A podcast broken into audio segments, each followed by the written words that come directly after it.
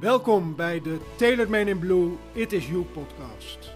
Ik ben Edgar Nijdam, jouw tailor in deze podcast. Vanuit mijn Tailored Man in Blue showroom ontvang ik iedere week een inspirerende gast. Geniet van de verhalen, leer van de lessen en luister naar de boodschap van mijn gasten. De Tailored Man in Blue, It Is You. Jij hebt het talent om mensen te transformeren. Jij hebt de attitude om mensen aan te trekken. Ontwikkel een imago waarmee je mensen inspireert. Neem de leiding over je eigen leven, ontwikkel je en ga voor duurzame resultaten. Laat je inspireren en word een Tailored Man in Blue.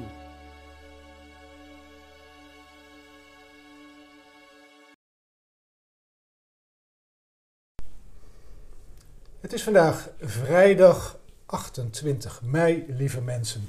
En vanuit mijn Tailored Man in Blue, It Is You showroom, vandaag een, uh, een nieuwe inspirerende podcast.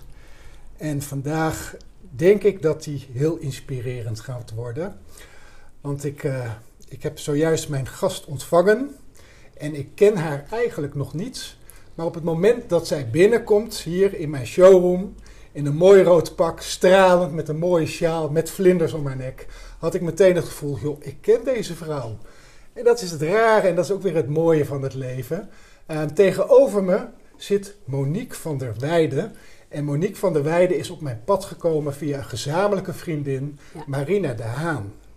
Monique, wat ontzettend gaaf dat je vandaag te gast bent in mijn podcast. Welkom. Dankjewel. En ik vind het ontzettend leuk dat ik hier mag zijn. En uh, een deel mag, uh, mag uitmaken van jouw podcast. Ja, maar dat voel ik ook meteen. Want we hebben elkaar even kort vooraf uh, ja, niet eens gesproken, maar ja. alleen maar mailcontact. Maar daar voelde je de energie al, Absoluut, ja. ja. En ik was zo blij dat het ook allemaal zo snel ging en vrolijk. En op een, ja, op een hele inspirerende, fijne manier. Dus ik had er ook ontzettend veel zin in om hier uh, vanmiddag gewoon ook te zijn en, dat, uh, en het samen met jou te gaan doen. Ja, nou ik weet zeker, wij gaan een, een heel boeiend, inspirerend gesprek samen hebben in de komende drie kwartier. En ik denk dat jij de luisteraars uh, ja, ontzettend veel kan vertellen over jouw reis, over jouw zoektocht, over de manier hoe jij nu in het leven staat, maar wat er allemaal aan vooraf is gegaan. Want ik heb me een beetje verdiept in Monique. Ja. En uh, ja, Monique is wel een vrouw die, uh, ja, die volgens mij in haar leven veel heeft meegemaakt. Heb ja. ik dat goed? Ja, dat klopt. Ja, dat klopt. Ik, uh, ik kom uit een gezin van twaalf.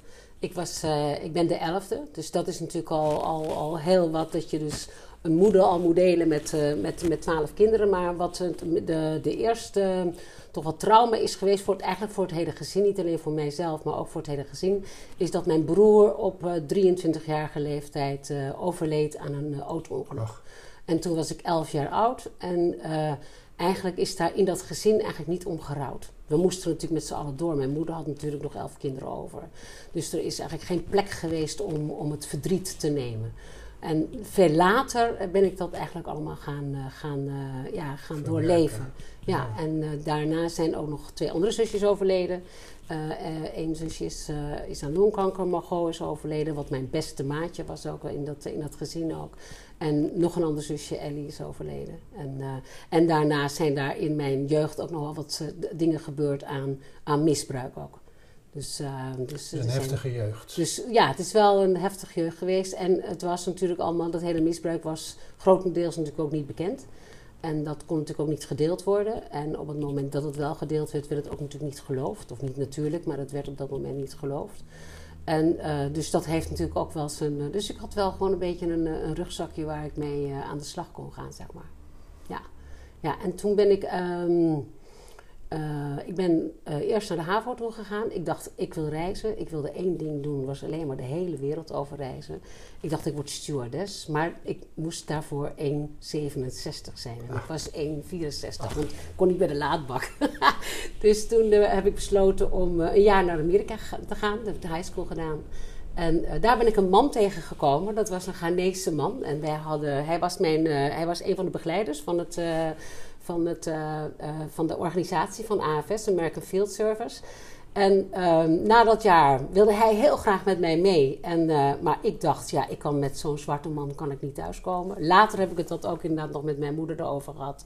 Dat het ook inderdaad echt niet mogelijk had geweest om, om met een, een Afrikaanse man, met een Ghanese man uh, thuis te komen. En dus in mijn boek schrijf ik daar ook, in Wild Hart schrijf ik daar ook over. Na 32 jaar ben ik deze man uh, weer op gaan zoeken. Dus uh, dat, is een, uh, dat zijn prachtige, prachtige, mooie ervaringen geweest. En, Bijzonder. Maar dat boek komen we later nog wel ja, even op terug ja, natuurlijk. Ja, want, precies. ja. Ik heb het hier ook voor me liggen. Ik heb het net cadeau van je mogen ontvangen. Ja. Super, dankjewel. Ik ga het met veel plezier lezen. Ik heb al de recensies gelezen van jouw boek en die, die waren echt overweldigend. Dus ik kijk er echt naar uit. Ja, leuk. Um, dus op dat moment heb je gekozen om, om, om, om, om die relatie met die Afrikaanse man niet aan te gaan. Nee. Dat kon op dat moment ook niet. Nee, precies. Um, hoe oud was je toen? Ik was, uh, ik was 17. En, Jonge meid. Uh, ja, ik was heel jong. Ik was heel jong. Ja. En uh, nou, ik dacht in Amerika te gaan studeren. Dus ik, halverwege heb ik mijn ouders heb ik gevraagd dat zij naar Florida wilden komen, naar Miami. Dus ik had alles al geregeld. Ik had een appartement. Ik wilde een hoger hotel vakschool gaan doen daar. En, uh, want dat kon ik in, Den Haag en Maastricht kon ik dat niet meer doen. Daar was ik te laat voor, omdat ik een jaar in Amerika zat. En toen zei mijn vader van, nou, dat, uh, als, je, als je nu gaat studeren dan hier, dan zie ik jou nooit meer terug. En dat gaan we niet doen. En toen ben ik teruggegaan naar Nederland. En toen stond ik eigenlijk met lege handen. Want ik kon niet gaan studeren op dat moment. Ik kwam natuurlijk in augustus kwam ik terug. En toen ben ik de makelaardij ben ik, uh, ingegaan. En uiteindelijk ben ik in Al van Rijn bij een fantastische makelaar ben ik terechtgekomen. En ja, binnen no time had ik mijn eigen filiaal. En ik verkocht huizen en ik vond het fantastisch. En toen ben ik dus mijn, mijn, hoe heet het, mijn echtgenoot tegengekomen. Nu mijn ex. En toen was ik 20 jaar. En toen raakte ik vol verrassing eigenlijk. Met het spiraaltje raakte ik zwanger. Dus ik zat ineens in een, in een dorp. Ik heb in Amsterdam gewoond. Dus ik zat ineens in Bodegraaf in een heel, heel zwaar gereformeerd dorp. En ik, uh, ik, uh, ik raakte zwanger. En binnen acht jaar, van mijn 20 tot en met, met, met mijn 28ste, had ik ineens vier kinderen. Jongen, jongen. ja, ja. En, um, dan ben je nog niet eens 30. Nee, nee, nee. Ik was, nee. het, ja, nou, het valt nog mee, want mijn moeder was 36, ja, 36 ja. en die had 12 kinderen. Dus wat dat betreft tijd, was in mijn, die tijd mijn natuurlijk vader al. komt ook uit een gezin van 12, Ja. Friesland. En mijn moeder komt uit een gezin van 9. Dus ik, ik weet niet anders uh, dan, dan uh, veel ooms en tantes en neefjes en nichtjes. Maar tegenwoordig is het inderdaad wel. Uh, ja, wel nee, dat was natuurlijk ook gewoon heel erg veel. Maar wel een rijkdom, vier kinderen. Onvoorstelbare rijkdom. Ik ben Ja. echt iedere dag dankbaar dat ik, eh, dat, ik, eh, dat ik mijn kinderen en onze kinderen heb. En ik heb inmiddels drie kleinkinderen en de vierde komt eraan. En we hebben een heel liefdevol, harmonieus eh, eh, gezin. We gaan allemaal met elkaar om. De kinderen gaan allemaal met elkaar op vakantie. Eh, ze varen met elkaar. Ze, ja, ze, iedereen is gewoon ontzettend gek op elkaar. Dus eh, nee, daar ben ik echt iedere dag, eh, doe ik echt zo van dankbaarheid dat, ik, dat ze ook gezond zijn. En ja, en, en die kleinkinderen vind ik gewoon heerlijk om daarmee te spelen. En, en, en, en alles te doen wat eigenlijk niet mag, zeg maar. Nou, daar, is, daar is oma zijn ook voor bedoeld. Ja, dat hè? is ook zo. Ja. Ja, ja. Het is dus leuk om, ze dan leuk. te mogen ontvangen, maar het is ook weer Ja, heerlijk dat ze ja, weer bij je ja, weg precies. Ja, precies. Ehm, Oké, dus jouw carrière zag een beetje, zat een beetje in die, die makelaardij. ja, helemaal. Ja. Helemaal. Ja, en toen, eh, wat er toen gebeurde is, ik kreeg natuurlijk inderdaad de tweede. Eh, mijn eh, inmiddels eh, ex-echtgenoot, die had acht paarden staan. En ehm, hij vond het heel vervelend dat ik, ging, dat ik bleef werken. En toen heb ik daar ja op gezegd. Om daar, ik heb heel, ben heel, heel onderdanig geweest aan alle kanten. En toen heb ik daar ja op gezegd om te stoppen met werken. Nou, ik denk dat achteraf gezien dat mijn grootste fout was. Want toen werd ik natuurlijk financieel afhankelijk. Eh, ik ben zijn paarden gaan verzorgen. Ik ben, eh, eh, op- uiteindelijk ben ik er twee gaan rijden. Ik heb hoog dressuur gereden. Maar als je nou zei, was dit nou wat, jou, hè, wat jouw echte pad was? Nee, dat was het eigenlijk niet. Maar ik was natuurlijk wel mijn vader. Kijk, mijn vader en moeder die kwamen bij mij naar de wedstrijden. Dus als elfde was je soort blij dat, er, dat, er, dat ze toch naar jou keken. Dat, ze, hè, dat mijn vader was aan het huilen als ik inderdaad weer een wedstrijd won. Dus ik voelde mij op dat moment heel erg gezien. En ik zie wel, en dat gebeurde dus ook met mijn echtgenoot. Die, die vond die paarden fantastisch. Maar wat ik eigenlijk, eigenlijk voor veel vrouwen denk ik een, een droomleven. Ja, ja, ik was, ja, we hadden Maar- een heel rijk leven ook. Maar, maar ik, ik, ik, ik, ik voel ook een beetje van dat, dat, dat het niet jouw eigen Nee. keuzes zijn Nee, geweest. Maar dat nee. voel ik ook een beetje vanuit je jeugd. Dat je Ja. alles wat er in je leven gebeurde ja, tot, volgens mij is dat tot je 37ste. klopt. Klopt Dat is echt. volgens mij Ja, daar het is begin de van jouw, jouw reis, van Ja. jouw ommekeer. Ja. Dat je eigenlijk ehm, je leven veel in handen van anderen hebt neergelegd. Helemaal volledig. Ja, zonder dat ik me daar dus ook echt bewust van was. Want ik denk dat dat heel erg ging over hou van mij. Ik ben niets waard. Eh, ik, ik, hoop, hè, dus ik, ik hoop dat het van mij gehouden wordt. Dus ik heb mijzelf, denk ik, nou, voor een groot gedeelte gewoon ingeleverd. Dus voor wie ik in mijn wezen was. En, en, en ik las wel spirituele boeken, snap je, als Siddhartha en, en, en, en Paulo Coelho. En, maar dat werd eigenlijk thuis ook niet helemaal geaccepteerd. Dus eh, als dat in de, ga- ze dat in de gaten hadden, dan deed ik mijn boeken onder de, onder de bank. Want dat hele spirituele... Je was dus ook heel erg gehoorzaam. ik was, nee, ik was onvoorstelbaar gehoorzaam. Heb ik later heb ik dat wel. Ja, je hebt alles ingehaald. En ik weet ook, joh, dit, dit, is, dit is de inleiding naar jouw doorbraak. ik ben. Ja, ik ben zo gehoorzaam Ja. geweest. Marina waarschuwde Ja. me, beestje, er komt straks echt een energiebom bij je binnen. En daar Ja. heeft ze Ja. een klein beetje gelijk Ja, in. ja, precies. Maar ik geniet daar wel van. Ja, ja, ja. Nee, ja, wat, wat, zo. wat, wat, wat neem, ons, neem ons eens mee. Ik bedoel, je was gehoorzaam. Ja, ik Je- was je heel hebt je, Je hebt je gehoorzaam. leven in handen van anderen gelegd. Je maakte eigenlijk niet je eigen keuzes. Maar onbewust deed je toch de dingen zoals je dacht dat ze gedaan moesten worden. Absoluut. Je En deed eigenlijk ze- datgene wat er van je verwacht werd. Ja, precies. Zonder voor jezelf op te staan. Ja, volledig. En wij hadden een, een, een, groot huis en we hadden een eiland en waren dus heel erg financieel ook heel erg rijk. Dus wij hadden heel veel mensen over de vloer. Wij hadden iedere avond hadden wij, hadden wij eh, volk over. Dus de- deden ze de deur open en dan was het, is café van Eyck open? Ja, dat café was altijd open. Snap je? Dus op het moment dat ik inderdaad mijn, mijn, mijn, mijn oudste kreeg, nou, ik denk dat wij drie maanden gewoon dag en nacht alleen maar visite hebben gehad. En ik zei dus ook nooit, het is genoeg, snap je? Dus dat was tot twee uur s'nachts aan de wijn en het bier. En ik moest natuurlijk s'nachts weer voeden. Maar ja, ik deed net of dat er met mij niks aan de hand was. Terwijl ik natuurlijk gewoon ontzettend moe was.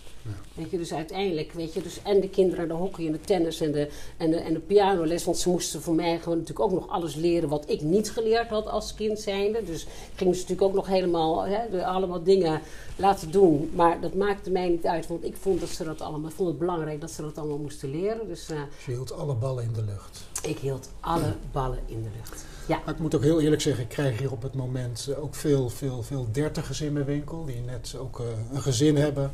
Eh, allebei een drukke baan. Ja. eh, sport. Eh, vriendschappen, Nou. kroeg, uitgaan. En, en als ik dan vraag, hoe gaat het met je? En ik, ik ga gewoon even oprecht, dat, dan zeggen ze soms heel eerlijk, we zijn echt moe. ja we zijn moe. Moe. Ja, precies. Nou ja, en dat ben ik natuurlijk gewoon echt jaar in, jaar uit. Met vier kinderen opvoeden en, en, en acht paarden, weet je. En die moesten uit het water gehaald worden, opgestrooid worden, gemest worden, gereden worden twee per dag. eh, hè, zo gezegd, dat, dat heb ik mezelf allemaal, natuurlijk allemaal zelf aangedaan. Dus ik ben echt helemaal 100% verantwoordelijk voor wat ik gedaan heb. Maar dus, dus het was heel veel, zeg maar, wat er, wat er gedaan moest worden. Dan al die mensen die gewoon altijd eh, kwamen eten. Ik had echt met oud en nieuw had ik 120 mensen. Die kwamen dan wafels eten en gluwijn drinken. En dan had ik s'avonds nog de, zeg maar, de vaste aan vrienden. Dat was dan 35 mensen waar ik ook nog een heel koud buffet voor maakte. Snap je? Dus het, het maakt mij allemaal niet uit. Ik, deed, ik heb zoveel gedaan om, om maar, dat uiteindelijk Om is, mensen naar hun zin te ja, om het mensen naar een zin te Ja, maken. ik herken het een klein beetje. Ja. Ja, om het mensen naar zin te maken. Ja, een goede gastvrouw. Een goede gastvrouw. Altijd vrolijk. kon altijd goed alles organiseren. Ja. Daar was ik natuurlijk ook een kei en daar heb ik ook goed veel van geleerd, zeg maar. Nee, dus eh, ja, en altijd vrolijk. Ja. En toen, kwam er, een, toen hand. kwam er een moment in je leven. ja, en toen kwam er een moment in mijn leven. En nou ja, dat, is, dat is werkelijk de grote ommekeer eh, geworden in mijn leven. Ik heb net nog een paar filmpjes zitten, zitten kijken over de life after, after death. Maar wat, ik, eh, wat er gebeurde met mij, ik kreeg een droom. En nu achteraf, weet je, ik ben ook nog in gesprek geweest met eh, Pim van Lommel daarover, de cardioloog die over bijna doodervaring natuurlijk een boek geschreven heeft, Eindeloos Bewustzijn. En ik kreeg een droom en ik stond in mijn naki. Ik stond helemaal bloot. En ik werd zo opgenomen. Zo helemaal, mijn hele lichaam werd opgenomen. Ja, ik moet er altijd nog bijna om huilen. Ik kan er ontzettend, ben er nog steeds uh, ontroerd over. Ik werd opgenomen door het licht. En ik werd opgenomen door de liefde. En iedereen sprak daar telepathisch met elkaar. Alles was vrede. Iedereen was daar. Snap je? Dus dat was gewoon, het was een goddelijke droom. En ik ben, ik ben wakker geworden uit die droom. En ik ben drie dagen heb ik gehuild van ontroering. Helemaal volledig van de kaart. En omdat ik dacht, ja, dit is de, dit is de werkelijkheid.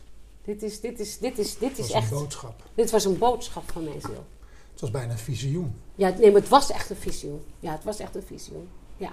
Nou ja, en, dus ontstond er ook een, een, nieuwe visie, een nieuwe manier van zijn, worden, ja, nou ja, Ik werd licht. Dus ik werd liefde. Ik werd gewoon helemaal opgenomen in dat licht en die liefde. En, uh, en uh, nou, toen ben ik dus inderdaad, toen ben ik daar heel, dus heel veel dagen ben ik daar helemaal van, van slag van geweest.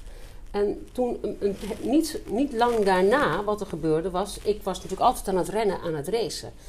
En ik loop bij een kennis, die heeft net een nieuw huis. En die, ik, ik vraag, dat mijn kinderen ging ophalen, uh, waar is het toilet? En zij zegt, oh ja, dan moet je even naar boven. Dus ik loop door een ruit heen. En ik heb 30, uh, 30 uh, hechtingen krijg ik. Ik moet naar het ziekenhuis. En ik heb, ik, ik heb een ontzettende jaap. Zit er nog steeds. En uh, ik heb 30 hechtingen. En ik kom daar, op die, voor het eerst in mijn leven, kom ik op een bank te zitten.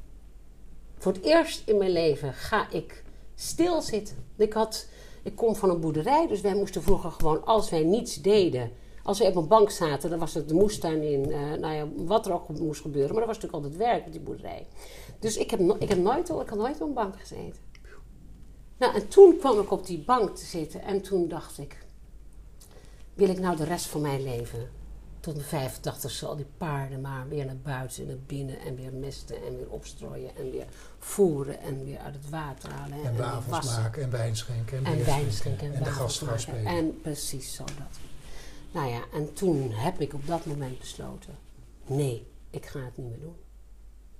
En uh, nou, toen heb ik dus tegen mijn, uh, mijn echtgenoot gezegd, ik stop ermee.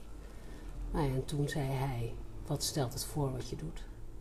Nou, dat is, de, dat, is, dat, is, dat is de tekst geweest die er nodig geweest is om, uh, ja, om, om, om mij los te maken van, uh, van... Dat was de druppel. Dit was, nou ja, dit was echt... De emmer zat al vol. De emmer zat helemaal vol. Ja. Maar dit was echt uh, die druppel. Nou, en toen, uh, toen is dat natuurlijk, toen heb ik nog van alles geprobeerd in therapie te gaan, samen geprobeerd om in therapie te gaan. En, want ik dacht natuurlijk, ja, dat gezin, weet je, ik wil dat, je wil als moeder wil je één ding, is dat gezin bij elkaar houden. Nou, en dat is uiteindelijk is dat, is dat niet gelukt. En uh, ben ik uh, apart gaan wonen en uiteindelijk ben ik, uh, ben ik, uh, ja, ben ik uh, ontzettend veel cursussen, opleidingen en trainingen gaan doen. En toen op een gegeven moment ben ik via een vriendin, dat was ook wel echt een mooie, want dat is het begin geweest ook van de psychosynthese. een vriendin van een vriendin die, die zei: God, laat Monique nou eens haar levensverhaal opschrijven. En dan ga ik eens kijken als therapeute wat ik nou daarin lees. Ik heb deze vrouw nooit gezien. En ehm, zij heeft mij een brief teruggeschreven. Toen zei ze, Monique, zeg jouw hele manier van schrijven is psychosynthese. Ga kijken of dat je daar de opleiding in kan gaan doen. Het is een vijfjarige studie. En ga kijken of dat, dat... Ga een keertje naar een informatieavond om te voelen of dat dat inderdaad de goede plek is. Nou, en ik kom daar op die informatieavond bij de directeur, Diederik van Rossum. En ik kom daar met een nichtje en een vriendin, mijn beste vriendinnetje Esther. En wij zijn daar samen. En wij lopen naar beneden naar die informatieavond. En Esther zegt tegen mij: Ik weet niet wat jij gaat doen, maar ik ga hem doen. En uiteindelijk inderdaad uh, ben ik naar die, want ik kwam natuurlijk in die scheiding terecht. Dat was natuurlijk met die vier kinderen, het was allemaal drama. En toen ben ik uiteindelijk inderdaad psychosynthese gaan doen. En tegelijkertijd kwam ik dus, uh, deed ik dus een familieopstelling. En daar zag ik dat ik al het verdriet van mijn moeder eh, vanuit, hè, vanuit blinde liefde van het kind. Wat ik natuurlijk helemaal niet wist. Want ik bedoel, al die emoties, hè, wat noem je tertiaire emoties. En je hebt secundaire emoties. Hè. Iemand, iemand verlies je en je huilt. Twee secundaire is natuurlijk van ik doe net, hè, wat mijn, mijn gedrag ook was. Ik doe heel vrolijk, maar eigenlijk was ik heel verdrietig. En dan de, de tertiaire is het systemische uh, emotie. Ja, die gaat echt over, over dat, je, dat, je, je, dat je verstrikt bent in het systeem. En dat het, de, het verdriet wat niet genomen is en niet gerouwd is, dat ik die vanuit blinde liefde inderdaad op mij genomen had. En dat kwam uit de familie, dat kwam uit de eerste uh, familieopstelling die ik, uh, die, ik, uh, die ik ooit heb gedaan. Nou, Deed je dat zomaar of had je daar al voor geleerd? Of was dat nee, iets wat een nee. gave van je was? Door nee, dus, je zelf had meegemaakt? Dus, dus, ik ben dus die eerst ben ik zelf een opstelling gaan doen bij een arts in België. Ja daar was ik zo onder de indruk. Want wat gebeurde er met mij? Ik had die opstelling gedaan. En ik ga later op die dag in de auto. En ik denk, ik weet niet wat ik zie. Want ik had zeg maar de pijn teruggegeven aan mijn moeder in die opstelling. En ik dacht, ik weet niet wat ik zie. Want ik zie ineens veel meer bomen, veel meer huizen, veel meer. Het was net alsof dat ik mijn hele bewustzijn openging. Nou, en dat was voor mij het moment dat ik zei: Dit ga ik doen. Ik zag die arts daarmee uh, in België. En die, had dus, die deed lichaamsbewustzijn, uh, uh, veel werk met het lijf, familieopstellingen. En de psychosynthese gaat natuurlijk heel erg over. Dat is een positieve psychologie met de erkenning van de ziel. En, de, en, en die therapeuten, ja, die, mijn hele verhaal ging over zin en betekenis. Wie ben ik? Wat is de betekenis van het leven? Wat is de betekenis van mijn leven? Ja, zij zei, weet je, dit is wat... Dit is, wat, dit is wat, op jouw hart geschreven. Ja, en, en dat, was een, dat was echt een zware opleiding. Maar ik had zoiets van, wat er gebeurt, gebeurt er. Dit is, dit is wat ik ga doen. Dus je bent je gaan ontwikkelen, je bent je gaan verdiepen. Ja. Je bent op zoek naar jezelf gegaan. Ja. ja. Je kwam steeds dichter bij jezelf. Ja, ja. Je hebt veel moeten loslaten daarvoor. Heel veel. Wat enorm heftig is, wat heel veel mensen niet durven. Nee, precies. Want het was natuurlijk ook zeg maar, de, de financiële zekerheid. Ja. Uh, binnen het gezin. Uh, ik kom uit een katholiek gezin, dus daar waren ook wel echt oordelen dat ik ging scheiden, want dat hoorde natuurlijk al niet. Nee. Dus, dus uh, nee, ik heb, ik heb daarin heel, heel, ik ben heel eenzaam geweest in die periode. Heel eenzaam. Ja, ik, en, en ik denk dat dat dat ook een van de redenen is waarom ik ook dit werk maar gaan doen. Om, omdat die hele, hele weg naar die bezieling, die hele transformatie. Ja, er was niemand in mijn buurt die wist waar ik in zat. Zeg maar, die Had hele je die eenzaamheid stiekem ook niet een beetje nodig? Nee, dat klopt. Nee, maar dat wist ik toen natuurlijk helemaal nee. niet. Snap je? Want ik had op een gegeven moment had ik een les van, um, van mijn docent um, Ingrid. En ik zei, nou, het is me daar toch wat, weet je. Ik voel me zo alleen in het hele proces met mijn scheiding. En toen zei ze, nou, ze had zoiets van, nou, gefeliciteerd. Want nu ben jij alleen en zijn alleen jou en je ziel zijn over. Dus nu ga jij een beslissing nemen die niet meer hè, naar de verwachtingen is van het hele systeem. Maar omdat jij nu jou, in jouw eenzaamheid jouw eigen beslissingen kan nemen. En dat gaf mij op dat moment ontzettend veel rust en zo van, oh ja, en nu snap ik het. Nu snap ik het. Mooi. Ja. Dus je hebt je opleiding gedaan. Ja. En uiteindelijk ben je eigen bedrijf begonnen. Ja, dus ik ben, ik ben, maar ik ben van alles gaan doen. Ik ben reiki gaan doen, ik ben shamanisme gaan doen. Ik ben, uh, ben psychica gaan doen. Uh, ik heb NLP gedaan, ik heb kinesiologie gedaan. Snap je? Ik ben echt als een razende. Ja, maar je was natuurlijk al gewend om al die ballen omhoog te ja, houden. Ja, dus ik dacht... Alleen nu was het voor een ander doel. Ja. Nu was het voor jezelf in absoluut. plaats van voor anderen. Ja, absoluut. En dat dus, is toch wel een hele andere reis die je dan maakt. Ja, ja, en dus ik heb heel veel geschoond daarin. En zeker ook met de ayahuasca. Ik weet niet of je dat uh, wat zegt. Ayahuasca is een plantenmedicijn uit... Uh, uit de Amazone. Nou, dat heb ik ook vaak gedaan. Ik ben in Peru ook geweest om daar bij de shamanen de ayahuasca te drinken. Dat is geen pretje, maar dat schoont wel heel veel. Ik heb erover gelezen. Ik heb ooit een shamaanse transdans gedaan. Ja. En dat was een hele bijzondere ervaring. Ik, ik, ik, stelde me er niks bij voor, maar er gebeurden wel hele wonderlijke dingen. Ja. Ja. Als je maar over durft te geven, dan Ja. gebeuren er wonderbaarlijke dingen. Ja, dat is het. Maar mooi dat je dit allemaal eh, gedaan hebt en dat je je ontwikkeld hebt en dat er een, een, een nieuwe Monique is opgestaan. Ja, absoluut. Ja, absoluut. Ja, dus ik ben echt blij iedere dag dat ik, eh, dat ik de beslissing heb. En, en dus de, de, de, het, ook het lef, uh, of het, de moed heb gehad om het, om het te doen. En het, het was bijna, nou niet bijna, dat is natuurlijk zo je gaat er niet meer over op een zeker moment, lijkt het. Dus dat je het hebt over, hè, we hebben dus vier soorten wil. Dus de, de Victoriaanse wil, die ken ik heel goed, presteren aan het werk. Maar je hebt natuurlijk ook die transpersoonlijke wil. En dat gaat heel, hè, Gods wil geschieden, zeg maar. Dus, de, dus het, het, het, ontstaat aan jou wat jij te doen hebt op het moment dat jij daar ja tegen gaat zeggen. En dan, dan, dan gaat het natuurlijk meanderen, snap je? Dan, kom je in de rivier terecht en... Uh, maar omdat jouw hart, weet je, mijn hart, die wilde één ding, is, uh, is ontwikkelen, leren. Ja. leven is het meervoud ja, van lef. lef. Ab, dat is het. Dus om, te leven om te leven heb je, heb lef, je lef, nodig. Ja, is ook echt zo. En dat is denk ik een voorwaarde, ja. daar ontkom je niet aan, nee. om echt alles uit het leven te willen gaan halen. Ja. Ja. Ja. Dus het is echt de weg geweest van overleven, want dat was het ook echt. Ja, ik ben depressief geweest. Ik heb, uh, ik heb natuurlijk in een, in, een burn-out gezeten. Ik ben natuurlijk in de overgang terechtgekomen zonder dat ik wist dat ik in die overgang terechtgekomen ben. Snap je? Dus ik, ik snap nu pas achteraf, wat ik ook allemaal in dat boek geschreven heb, dat het ook deels was van de overgang. En uh, ja, ik denk dat daar. Uh, ik denk dat daar, dat daar ook nog echt een taboe op zit, die, die, die mag openbreken. Ik denk Daar wil ik het graag zo even ook met je over hebben. Want uiteindelijk ben je je eigen bedrijf Go Motions Go Motions, begonnen. ja. Go met Mo, in de motions. Go with Mo, in de motion. In de beleving. In de emotie. In de, emotie. In de beleving. Ja, precies. En uh, ik lees hier, met ervaring en wijsheid loods ik je naar de magische plek... waar jouw innerlijke kracht, vrijheid en energie tot leven kunnen komen...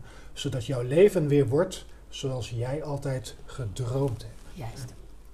Dat is waar jij je mee bezig houdt. Ja, dat is het. Ja. En daar help je anderen mee? Ja, daar help ik uh, heel veel mensen mee. En uh, ik, ben, ik ben iedere dag blij met mijn, uh, met mijn cliënten. ik leer daar natuurlijk ook aan alle kanten, leer ik daar natuurlijk van. Maar ja, ik hou gewoon van mijn cliënten. Snap je? Dus, dus, en, ik, en, ik, en, ik, en ik zie die hele ontwikkeling Weet je, dus, dus als je het hebt over coaching, coach, de coach betekent natuurlijk eigenlijk de couch, de, de, de koets hè, in het Engels. Van, je brengt iemand sneller van, van A naar B, als dat je hem zelf alleen bewandelt. Dus, en ik denk dat ik dat kan doen, dat ik mensen kan helpen en aan de hand kan nemen, omdat ik de weg en ik ben ervaringsdeskundige, omdat ik deze weg ben gegaan.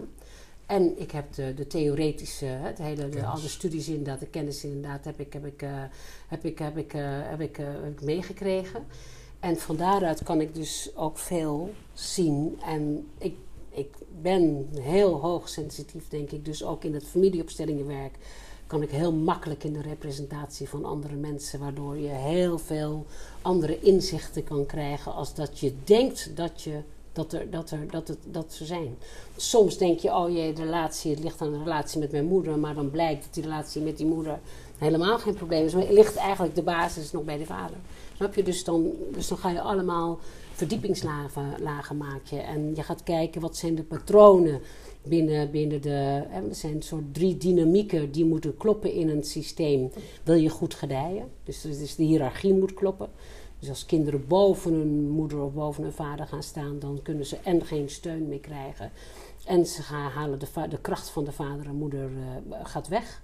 De balans tussen geven en nemen moet kloppen. En, en alles wat er onder het vloerkleed ligt, uh, moet boven water komen. Zo. En, en dat zie je dus ook in, in relaties. Dus ik heb ook koppels.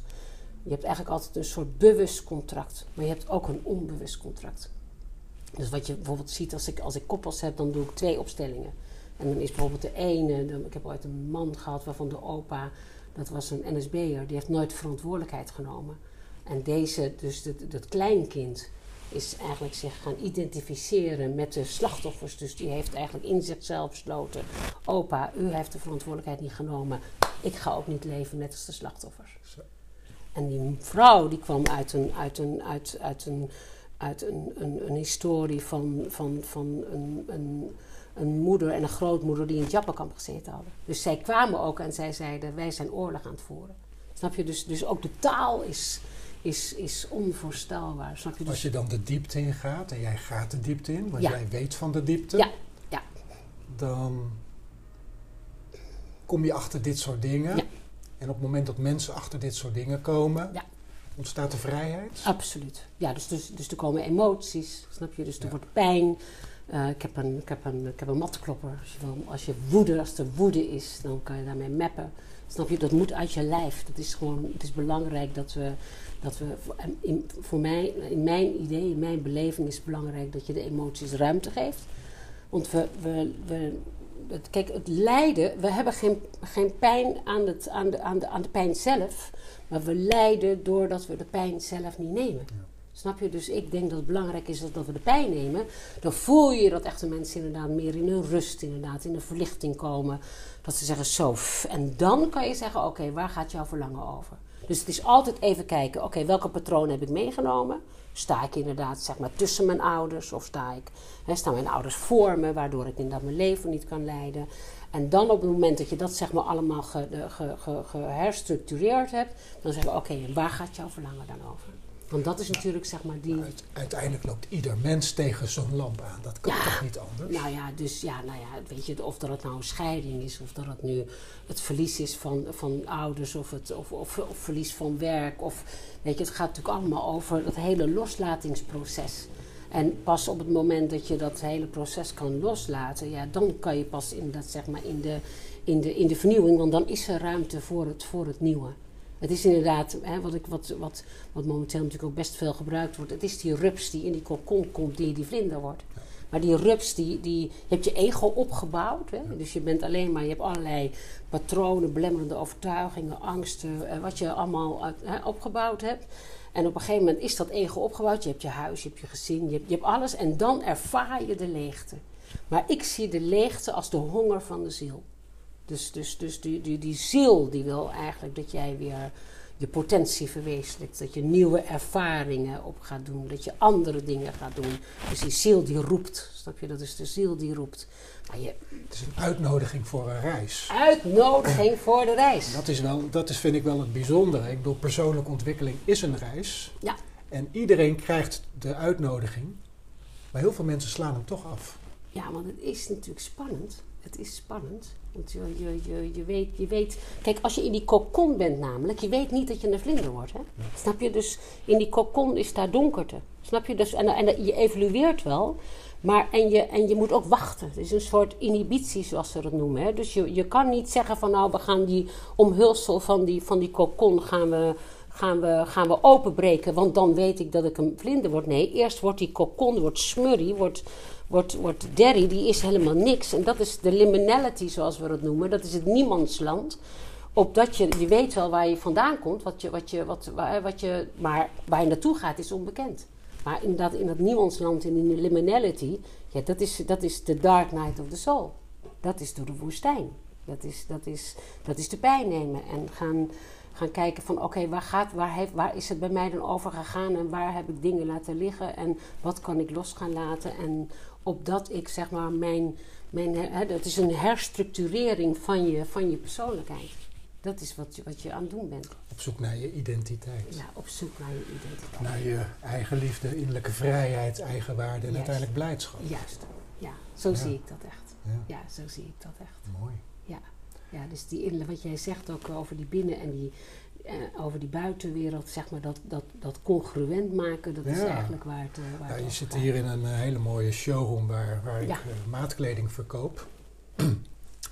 en mijn, mijn boodschap is ook dat het niet alleen om de buitenkant gaat, maar met name om de binnenkant. Dus ik zeg ook wel eens, ik help mannen niet alleen aan stijlvolle maatkleding, maar ik help ze met name om tailored te worden over hun eigen leven. Is En het. ik denk dat dat, ehm, ja, dat is een boodschap die ik tien jaar geleden ook wel al had. Ik had hem al ontwikkeld. Ik had de visie ook wel. Maar nu is de tijd er rijp voor. Soms moet de Dat tijd is- ook rijpen ja.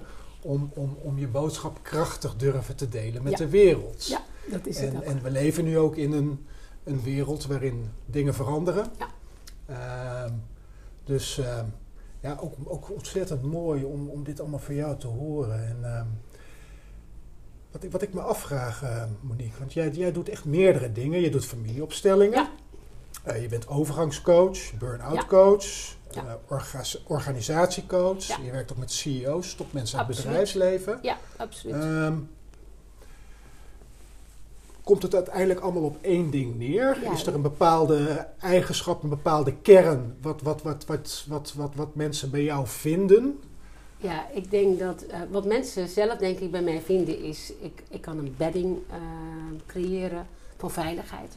Ik denk dat dat ook, en daarom kan ik ook in teams werken. Snap je? Dus ik doe ook organisatieopstellingen in teams, want dezelfde, dezelfde wetten en dezelfde dynamieken zijn voor families hetzelfde als voor organisaties. Dus dan heb je ook die hiërarchie en je hebt ook de balans tussen geven en nemen. En je hebt ook inderdaad zeg maar dat wat er, wat er, wat er, wat er onder het vloerkleed in die organisatie ligt. Dus dat zijn eigenlijk dezelfde Wat praat je dan over familiebedrijven of ook grote Familiebedrijven, ehm, eh, verzekeringsmaatschappijen. eh, ik heb nou, ook wel ontzettend leuk. Ik heb, ik heb een aannemerij met vijf directeuren. En daar doe ik dan geen organisatieopstelling. Maar iedere directeur neemt natuurlijk, ik vind het ongelooflijk fantastisch dat zij dat aandurven. Dat ze allemaal familieopstelling komen doen. Want op het moment dat jij ziet waar jij vandaan komt, vanuit welke familie en welke patronen jij meegenomen hebt, zit je met, met, met vijf mannen, gewoon echte man-mannen, ben je gewoon prachtig werk aan het doen. Snap je? En daar word ik dan weer persoonlijke coach voor. En daar doe ik weer inderdaad organisatieopstellingen. Dus ja, ik ben eigenlijk aan alle kanten word ik... eh, en voor teams, ik ben net weer vorige week inderdaad bij een heel nieuw team geweest. Van oké, wat brengt ons bij elkaar? Wat hebben we te doen daar?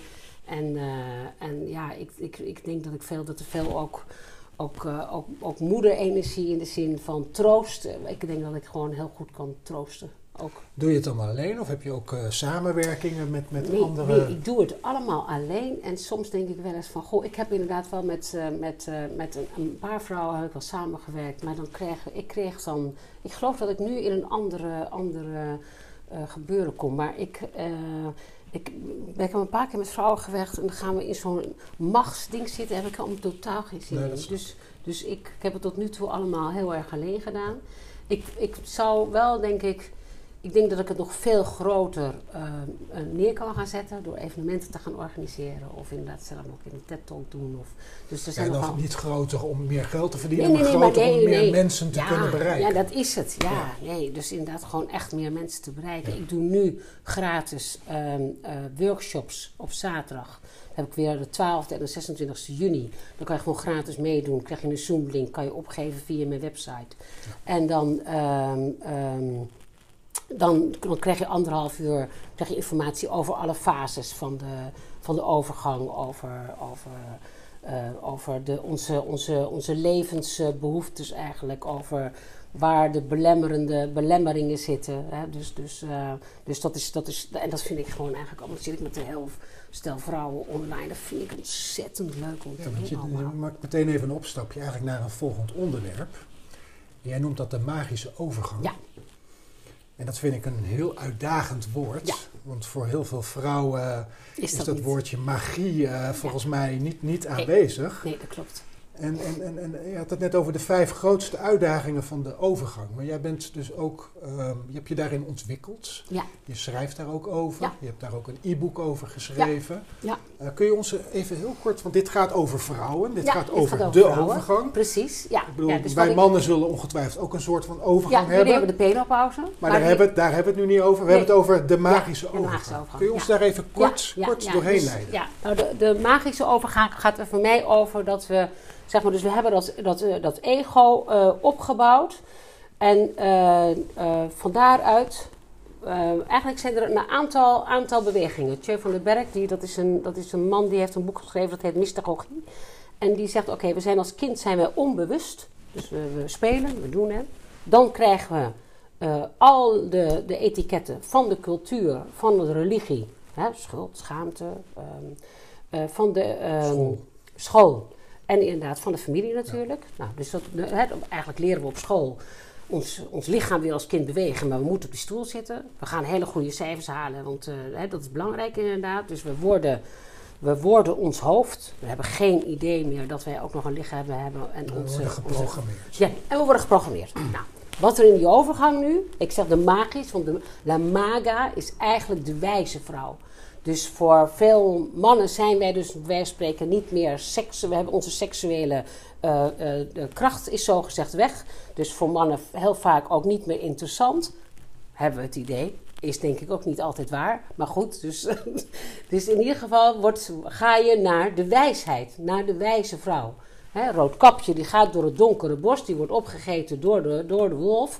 Dus je komt in de donkerte, maar je komt uiteindelijk bij oma, bij de wijsheid uit. Dus alle mythes, alle, alle, alle, alle alle sprookjes, snap je, door een roosje die slaapt die is die, en die wordt wakker gekust door de prins, wat staat voor de ziel. En dan ontwaakt zij. Dus het is een periode van ontwaken. Het is een periode van, van het is een rietenpassage. En natuurlijk moet je dan inderdaad zeg maar door je pijn heen. Maar als je daar doorheen gaat, ik zeg, dus, dus het eerste deel van je leven wil je iemand worden. En het tweede deel van je leven wil je jezelf worden. Zelf met een hoofdletter Z. Wil je je bezieling eigenlijk leven. En vandaar dat ik zeg dat dit een heel mooi transformatiemoment is. Om daar de ruimte in te nemen. En wat er, wat er vaak gebeurt is dat artsen en, en, en specialisten, heb ik zelf ook meegemaakt. Dus je komt op een gegeven moment in, bij wijze van spreken, in een depressie terecht. Ook in die overgang.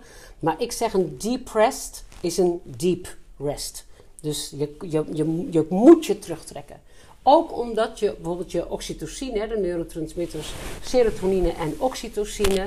Oxytocine zorgt ervoor dat jij, dat is je zorg, je, je knuffelhormoon. Maar het is ook je, je wil zorgen, je wil luisteren naar iedereen. En, en als die vermindert, heb je geen zin meer om te luisteren.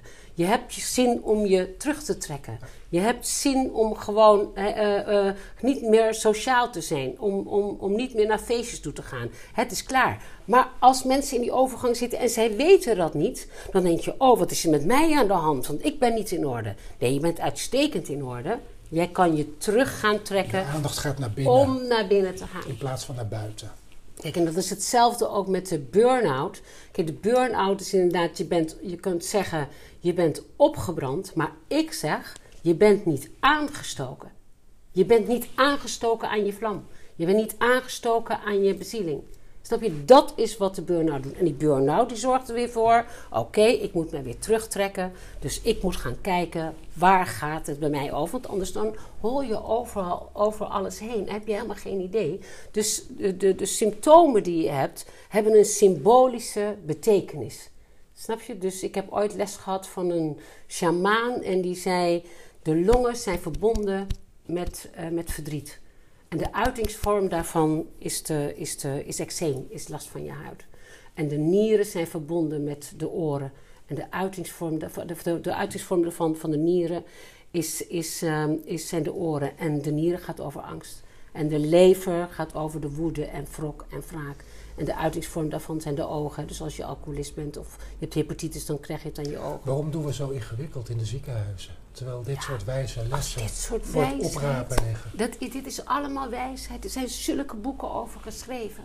Snap je? Dus je kunt gewoon zo... Kijk, we gaan kindjes inderdaad die, die bang zijn dat ze, dat ze verdrinken. Gaan we, dat doen we buisjes in. Snap je? Dus, dus om, omdat ze oorontsteking krijgen. Maar dat gaat over dat ze angstig zijn. Snap je? Dus mensen die bij wijze van spreken in de vliegtuig zitten en die krijgen last van hun rug. Die hebben geen last van de rug, die hebben last van hun nieren. Die zijn bang. Snap je? Dus alles, alles is met elkaar verbonden. Alles is met elkaar verbonden. Maar ook groentes. Snap je? De, de walnoot heeft de vorm van de hersenen. Daar zitten stoffen in die goed zijn voor de hersenen. De celery heeft, zitten stoffen in die zijn goed voor je, voor je, voor je, voor je bones. Dus, weet je, dus, dus alles, dus, dus, dus de, de, de, de, de avocado, dat, dat is het oven. Snap je? Dus alle, alle vormen, dus daarom wortels, je ziet gewoon het hele oog als je, een, als je een wortel doorsnijdt. Dus alles is verbonden met elkaar. Ongelooflijk. Alles is verbonden met elkaar. Alleen we zijn die hele verbinding zijn we kwijtgeraakt. Totaal. Totaal. We zijn ook, die... ook in mijn vak, maar in bijna elke industrie zijn we de verbinding met moeder aarde juist, gewoon verloren. Juist, juist. En daarom is het mooi dat er op het moment mensen zijn zoals jij die ons dit allemaal vertellen. Ja, ja, ja. Weet je, het is inderdaad, het is moeder aarde. Maar moeder aarde is ook een orgaan. Snap je? Dus de rivieren zijn de bloedsomloop. De Amazone zijn de longen. Snap je? Dus, dus, alles, uh, dus alle delen, het ademhaling is het eb en vloed. Dus de hele aarde is één, één groot lichaam. En als we natuurlijk dat stukken van, van de rivieren afsluiten door, door, door fabrieken, weet je, die hele bloedsomloop kan niet meer lopen. En de, alles daar, daarachter gaat dood, dat zie je het ook. Het verstikt überhaupt op het moment door plastic. Alles ja. verstikt door plastic. Ja, ja. maar de, de moeder is natuurlijk ook, hè, als je het hebt over, over moeder aarde.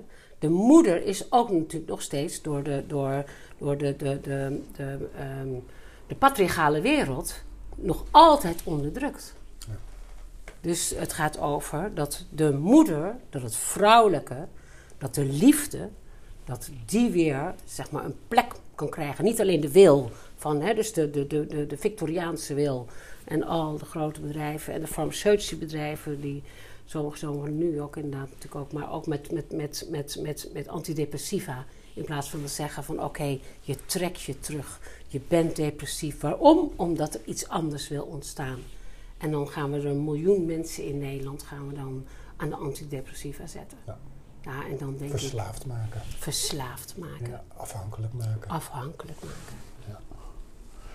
Jeetje, Monique. Ja. Uh, ik, ik, ik, vond het al heel, heel mooi om te horen dat, dat in, die, in die sprookjes al zulke... Ja, die hele wijsheid. Dat, dat daar zo verdieping in zit. Ja, en nu weer met die groenten. Ik, ik leer hier ontzettend veel Ja, maar wat ook, weet je, met, met dat verhaal in de Bijbel van de Exodus. Ik heb een hele week, hebben we, hebben we zeg maar die hele reis gemaakt. Dus de farao staat voor voor het superego. En de Israëlieten staan eigenlijk voor onze eigen slavernij. We zijn slaaf geworden van het systeem. We weten niet eens meer hoe we daaruit bevrijd moeten worden. En als dan Mozes komt, die staat voor de ziel, hè, die komt van die berg van God af. En die zegt: Oké, ik neem jullie mee op reis door de woestijn heen. Dus je komt een, een, een, een scheiding tegen. Je komt, hè, dus de kikkers vallen, de rivieren worden rood. Dus je komt een, een, een drama tegen. Je komt de pijn, hè, je, je, je echtgenoot of echtgenote overlijdt op jonge leeftijd of een van je kinderen. Dus je komt allemaal drama tegen.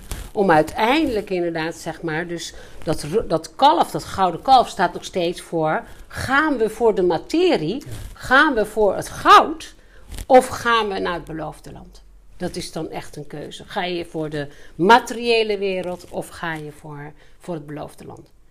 En wat ik zeg, en als je dan eenmaal in het beloofde land aankomt, dan gaan wij daar niet naar binnen, maar dan ga je mensen ophalen omdat jij de reis hebt gemaakt, jij hebt weet van de reis.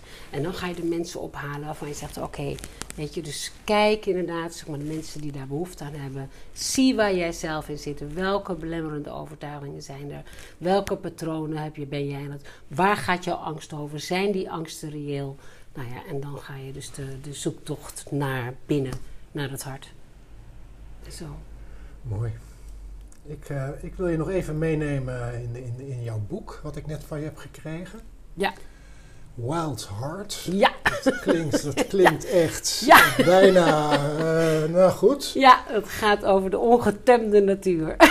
waar, waar, kun, je mij, kun je me vertellen, hoe, is dat, hoe is dat boek ontstaan? Uh, hoe is dat boek ontstaan? Ik ben op een gegeven moment bij een medium geweest. en die zei, jij gaat een boek schrijven. Nou, ik had nooit gedacht dat ik überhaupt zou zeggen: je oma staat achter jou en jij schrijft een boek. Nou, ik was helemaal niet bezig met een boek.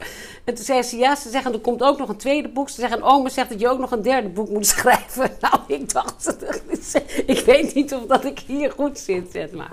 Nou, en dus uiteindelijk, en dat was echt grappig. Dus ik ik ben dus uh, ik ben bij dat medium geweest. Dan komen vrienden bij mij komen, komen eten. En die, die man, die vriend van mij, die zegt... Goh, je kan een week naar, naar de Katarenland, want daar zijn twee schrijvers, twee Nederlanders, en die gaan God, misschien is dat wel leuk voor jou als je nu toch een boek gaat schrijven. nou, dus het is allemaal een soort heel spontaan uh, ontstaan. helemaal organisch. Het is helemaal organisch ontstaan. En van daaruit ben ik dus inderdaad ook Marine natuurlijk uit uh, tegengekomen. Ik heb de meest ongelofelijke uh, grappige en gekke week gehad in mijn leven. Het was echt waanzinnig leuk. Nou ja, en toen ben ik eigenlijk gaan schrijven, stukjes gaan schrijven. Want ik had altijd al wel stukjes geschreven, maar nooit met het idee dat, ik, dat, dat het ooit een boek zou worden.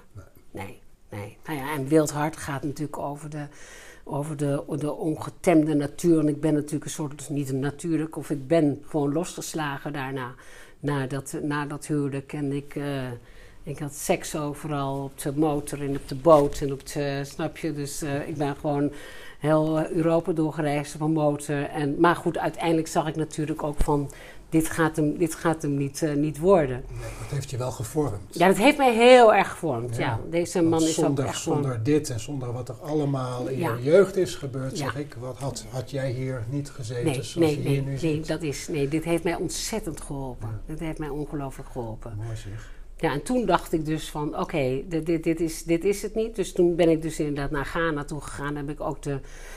Ja, dat, was, dat was ook heel ontroerend. Want wat ik natuurlijk helemaal niet wist... Deze man eh, uit Ghana, die dacht...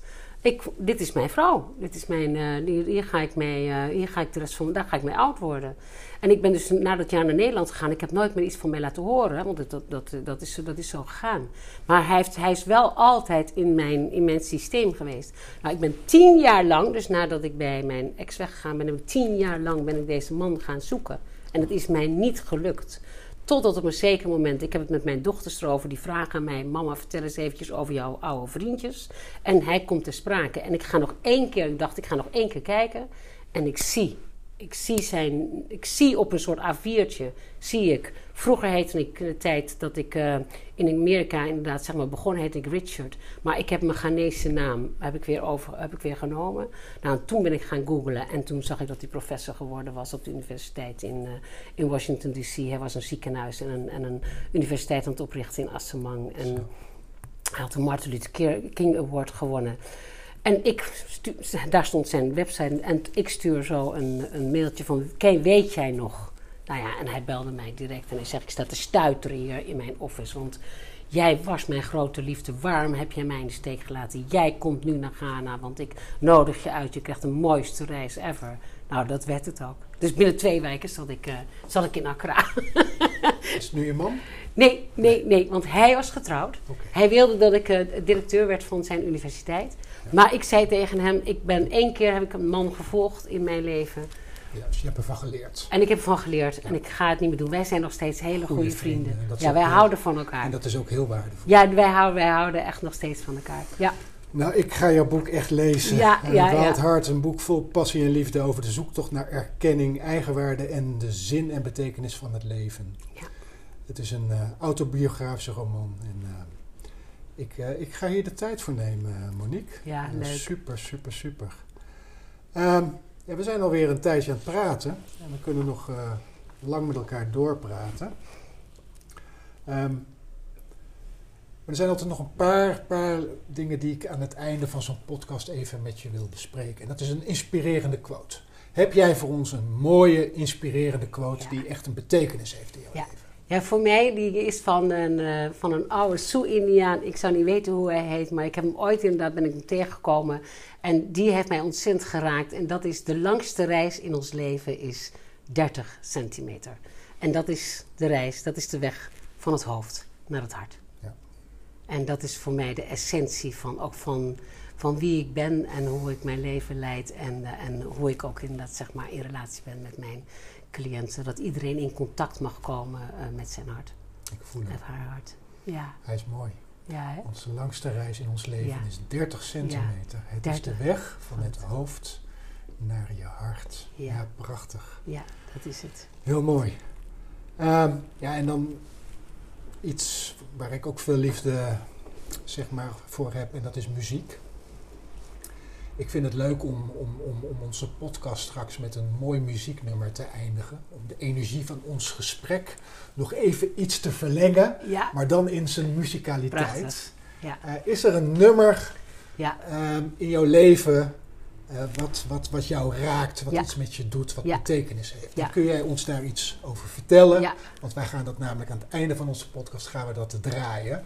Dan nemen mensen nog even mee in jouw hele fijne energie. Ja, ja dat is, eh, dat is eh, Phoenix van, eh, van Stef Bos. En Stef Bos begint in dat lied met dat, dat je uit, uit het nest bent gevallen. Nou, dat herken ik heel erg. Dus inderdaad, ik heb ook heel erg het gevoel dat ik dus uit dat nest ook, zonder oordeel naar, naar, naar wie dan ook, maar ik ben ook echt uit dat nest gevallen. Ik ben een andere weg gegaan dan grotendeels uh, de, de rest van het, uh, van het systeem ook.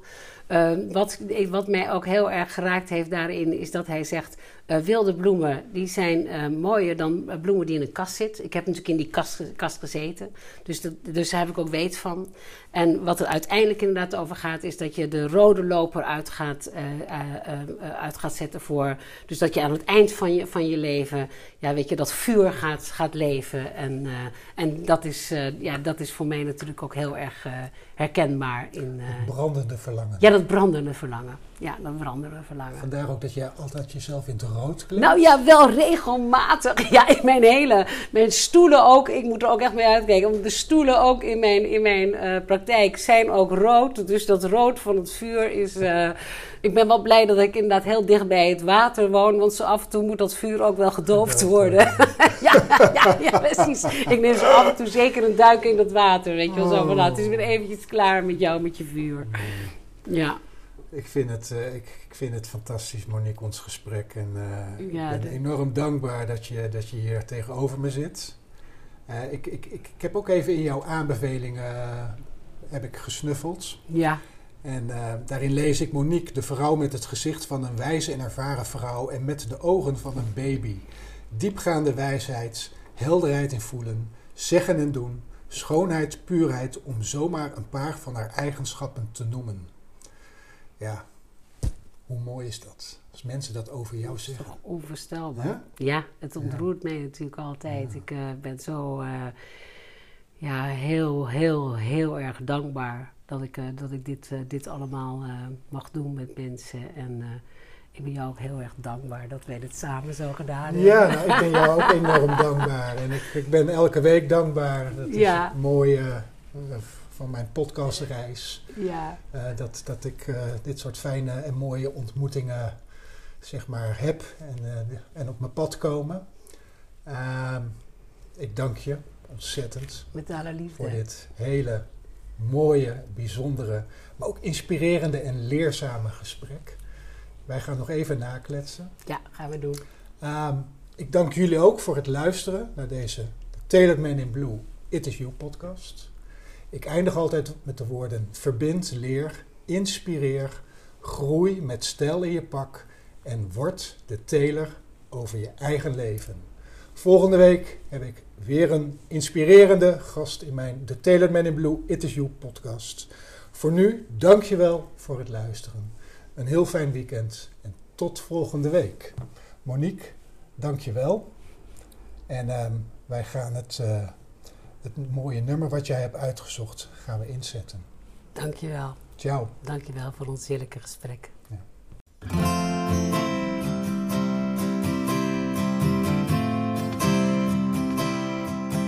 Een uit het nest gevallen vogel is soms een vogel voor de kat. Maar jij bent sterker dan de bierkaai.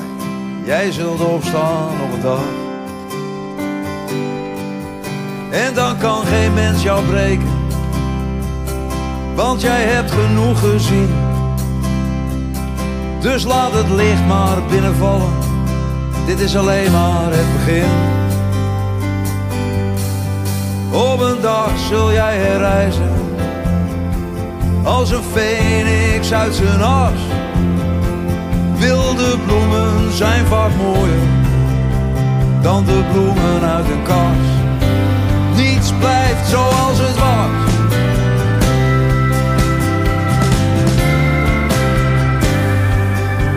Ik schrijf jouw leven op de muren van alle huizen in de stad, zodat iedereen kan lezen.